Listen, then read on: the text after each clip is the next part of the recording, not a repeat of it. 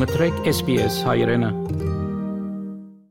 Ողջույն հարգելի ունկնդիրներ, անցաչափաթը Հայաստանում, Արցախում եւ Սփյուռքում։ Ադրբեջանը ավելի քան 1 ամիս փակ է պահում Արցախը Հայաստանին եւ աշխարհին կապող միակ ճանապարհը։ Պետնախարար Ռուբեն Վարդանյանը հայտարարում է, որ հրաժարական չի տալու։ Արցախում որոշ սննդամթերքներ կվաճառվեն կտրոնով, այս եւ այլ նորությունները մանրամասն։ Միավորված ազգերի կազմակերպության միջազգային դատարանը հունվարի 30-ին Լաչինի հարցով լսումներ կանցկացնի։ Նախորդ տարեվերջին Հայաստանը դիմել էր ՄԱԿ-ի արդարադատության միջազգային դատարան Հագա, որպիսի այն պարտավորեցնի Ադրբեջանին ապա շրջափակել Լաչինի միջանցքը։ Հունվարի 12-ից 14-ը պաշտոնական այցով Հայաստանում էր Ֆրանսիայի ազգային ժողովի նախագահ Յալ Բրաուեն Պիվերի գլխավորած պատվիրակությունը։ Ֆրանսիայի Հանրապետության խորհրդանի ղեկավարը Հայաստանում չցանկացավ պատասխանել երկու կարևոր հարցի, թե որ երկիրը կամ երկրները տապալեցին Լաչինի միջանցքի արգելափակման հարցով դեկտեմբերին ՄԱԿ-ի անվտանգության խորհրդի եզրափակիչ փաստաթղթի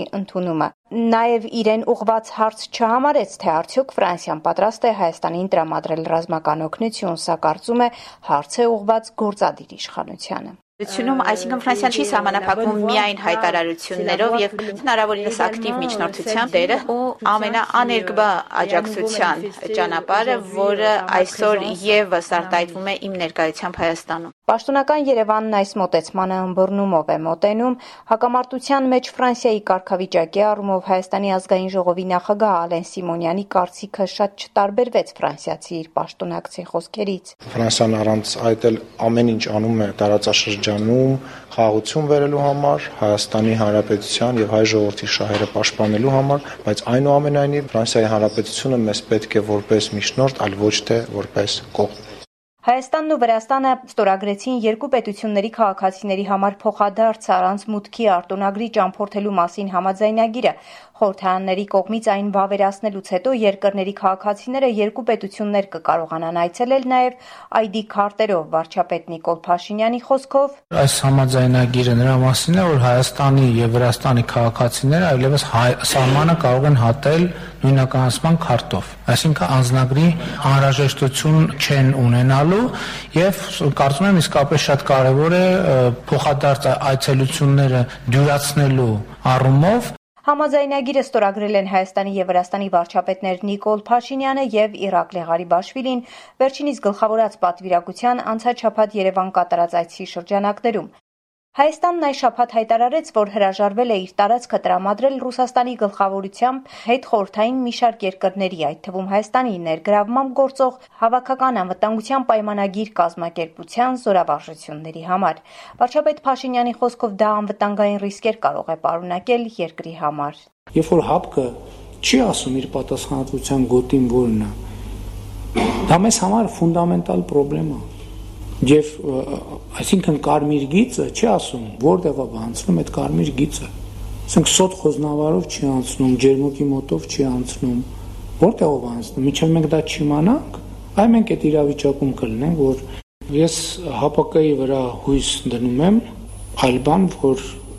ՀԱՊԿ-ն կարող է հոսախապ անել։ Վարչապետը անցաչափած հրավիրած մամուլի ասուլիսում հայտարարեց նաև, որ այդ կարմիր գծերի շուրջ քննարկումներ է ունեցել Ռուսաստանի հետ պայմաններում ստացվում է, որ Ռուսաստանի Դաշնության ռազմական ներկայությունը Հայաստանում ոչ միայն չի երաշխավորում Հայաստանի Հանրապետության անվտանգությունը, այլև ընդհակառակը սպառնալիքներ է ստեղծում Հայաստանի Հանրապետության անվտանգության համար։ Անդրադառնալով Լաչինի միջանցքի փակմանը Փաշինյանն ընդգծեց. Իրակում հայտարարությունը այդ հարցերի պատասխանը տալիս է։ Լաչինի միջանցքը պետք է լինի Ռուսաստանի Դաշնության հապա ուժերի վերահսկողության ներքո։ Ինչ է դա նշանակում։ Դա նշանակում է, որ որևէ այլ սուբյեկտ Լաչինի միջանցքում վերահսկողություն պիտի չունենա։ Հայաստանը շարունակելու է պաշտպանել Արցախի ժողովրդի իրավունքները, ընդգծեց վարչապետը։ Փաշինյանի խոսքով, եթե Հայաստանը տեսնի ռուս խաղաղապահները չեն ապահովում անվտանգությունն Արցախի, սպառնալիքներ են ստեղծում կդիմի այլ միջոցների։ Մենք իհարկե այդ թվում որպես Լեռնային Ղարաբաղի անվտանգության երաշխավոր երկիր պետքա նաև այլ միջոցներ փնտրենք Արցախ շրջափակման 1 ամիս խորագրով Ստեփանակերտ-Երևան տեսակամրջին Արցախի ներկայացուցիչները Ստեփանակերտում եւ Երևանում բարձրաձայնեցին բոլոր այն խնդիրները, որոնք առաջ են եկել բլոկադայի այս օրերին։ Քննադատություններն այն մասին, որ ռուս խաղաղապահները ինչ որ բան վատ են անում, ոչնչի չեն հանգեցնի, քանի որ դրանով մենք միայն կօգնենք Ադրբեջանին։ Տեսակամրջի ժամանակ հայտարարեց Արցախի պետնախարար Ռուբեն Վարդանյանը։ Ռուս խաղաղապահները շատ սահմանափակված ունեն մանդատ շատ քիչ քանակով է գտնվում եւ մենք պետք է ամեն ինչ անենք, որ այս իրավիճակը ամեն ինչ անել ենք, որ սխալբանես ստե մնան, երկարաժամկետ դառնան, ուժեղանան, իմ եկերանց ողքը կայնացնենք։ Գյումրիում ազգային ժողովրդավարական Բևերը կրկին ակցիա է անցկացրել ռուսական 102-րդ ռազմաբազայի մոտ Բևերի առաջնորդներից Ժիրար Սեֆիլյանը հայտարարել է, որ Լաչինի միջանցքի փակման պատասխանատուն առաջին հերթին Ռուսաստանն է։ Ազատ! Ազատ!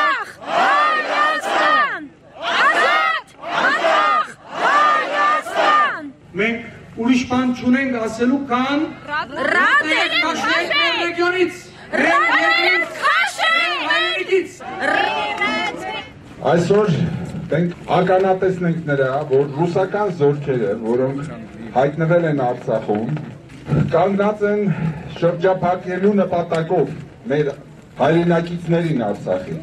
Արցախ. Պետնախարար Ռուբեն Վարդանյանը հայտարարել է, որ չի պատրաստվում հրաժարական տալ առավել եւս ստեղծված իրավիճակում։ Միևնույն ժամանակ նա ասել է, որ անընդունելի է երկրի նախագահի, հետևաբար նաեւ խորհրդարանի հնարավոր հրաժարականը։ Թե ինչու է այս հարցը այս պահին քննարկվում, տարբեր կարծիքներ կամ փորձագիտական շրջանակներից մի դեպքում թե հարցը Ադրբեջանի պահանջն է, մյուս դեպքում ճնշումներ կան Հայաստանից։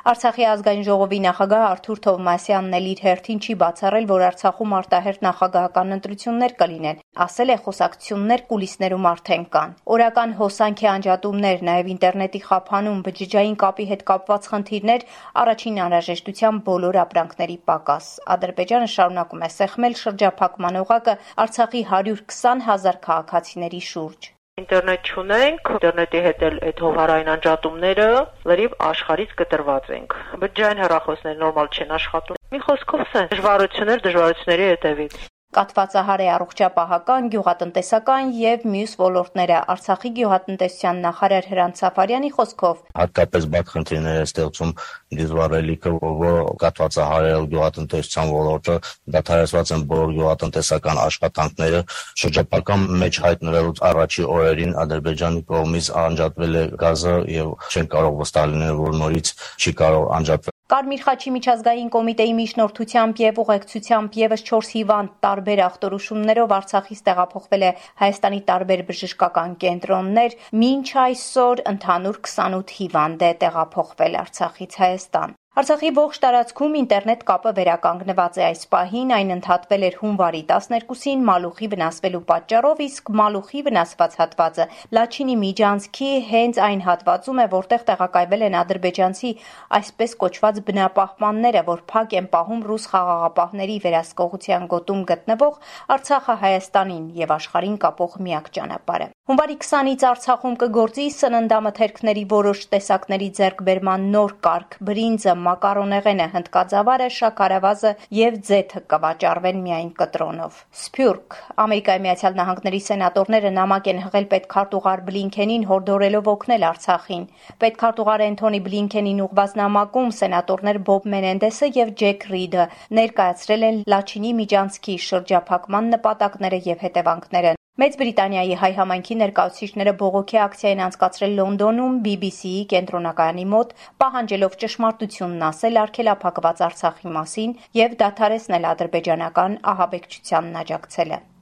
Երուսաղեմի հայկական թաղամասի հայկական վանքի պատերը ենթարկվել են վանդալիզմի, հայտնում է Երուսաղեմի հայդատի հանձնախումբը։ Պատերին արված գրառումներում եղել են ատելություն պարունակող այնպիսի գրառումներ, ինչպիսիք են մահ հայերին, քրիստոնյաներին, արաբներին եւ հեթանոսներին, Կիլիկիո Արամ առաջին կաթողիկոսը հունվարի 11-ին ընդունել է Լիբանանում Ամերիկայի Միացյալ Նահանգների դեսպան Դորոթի Շիայինի թիվս լիբանանյան տարբեր հարցերի վեհապար հայրապետը նաև անդրադարձել է Արցախի ներկա մտահոգիչ կացությանը եւ առաջարկել դեսպանին, որ Միացյալ Նահանգները կատարի անհրաժեշտ օժանդակությունը Բերձորի միջանցքը վերաբացելու ուղղությամբ։ Եվ վերջում Թուրքիայի ֆուտբոլի ֆեդերացիան Պոլսո հայոց պատրիարքին հրավիրել է Հայաստան-Թուրքիա ֆուտբոլային խաղին։ Ֆեդերացիայի փոխնախ նախագահի գլխավորած պատվիրակությունը այցելել է հայոց պատրիարք Տեր Սահակ arczepiskopos Մաշալյանին, նշում է, որ պատրիարքին հրավիրել են մարտի 25-ին Երևանում կայանալիք Թուրքիա-Հայաստան ֆուտբոլային հանդիպմանը։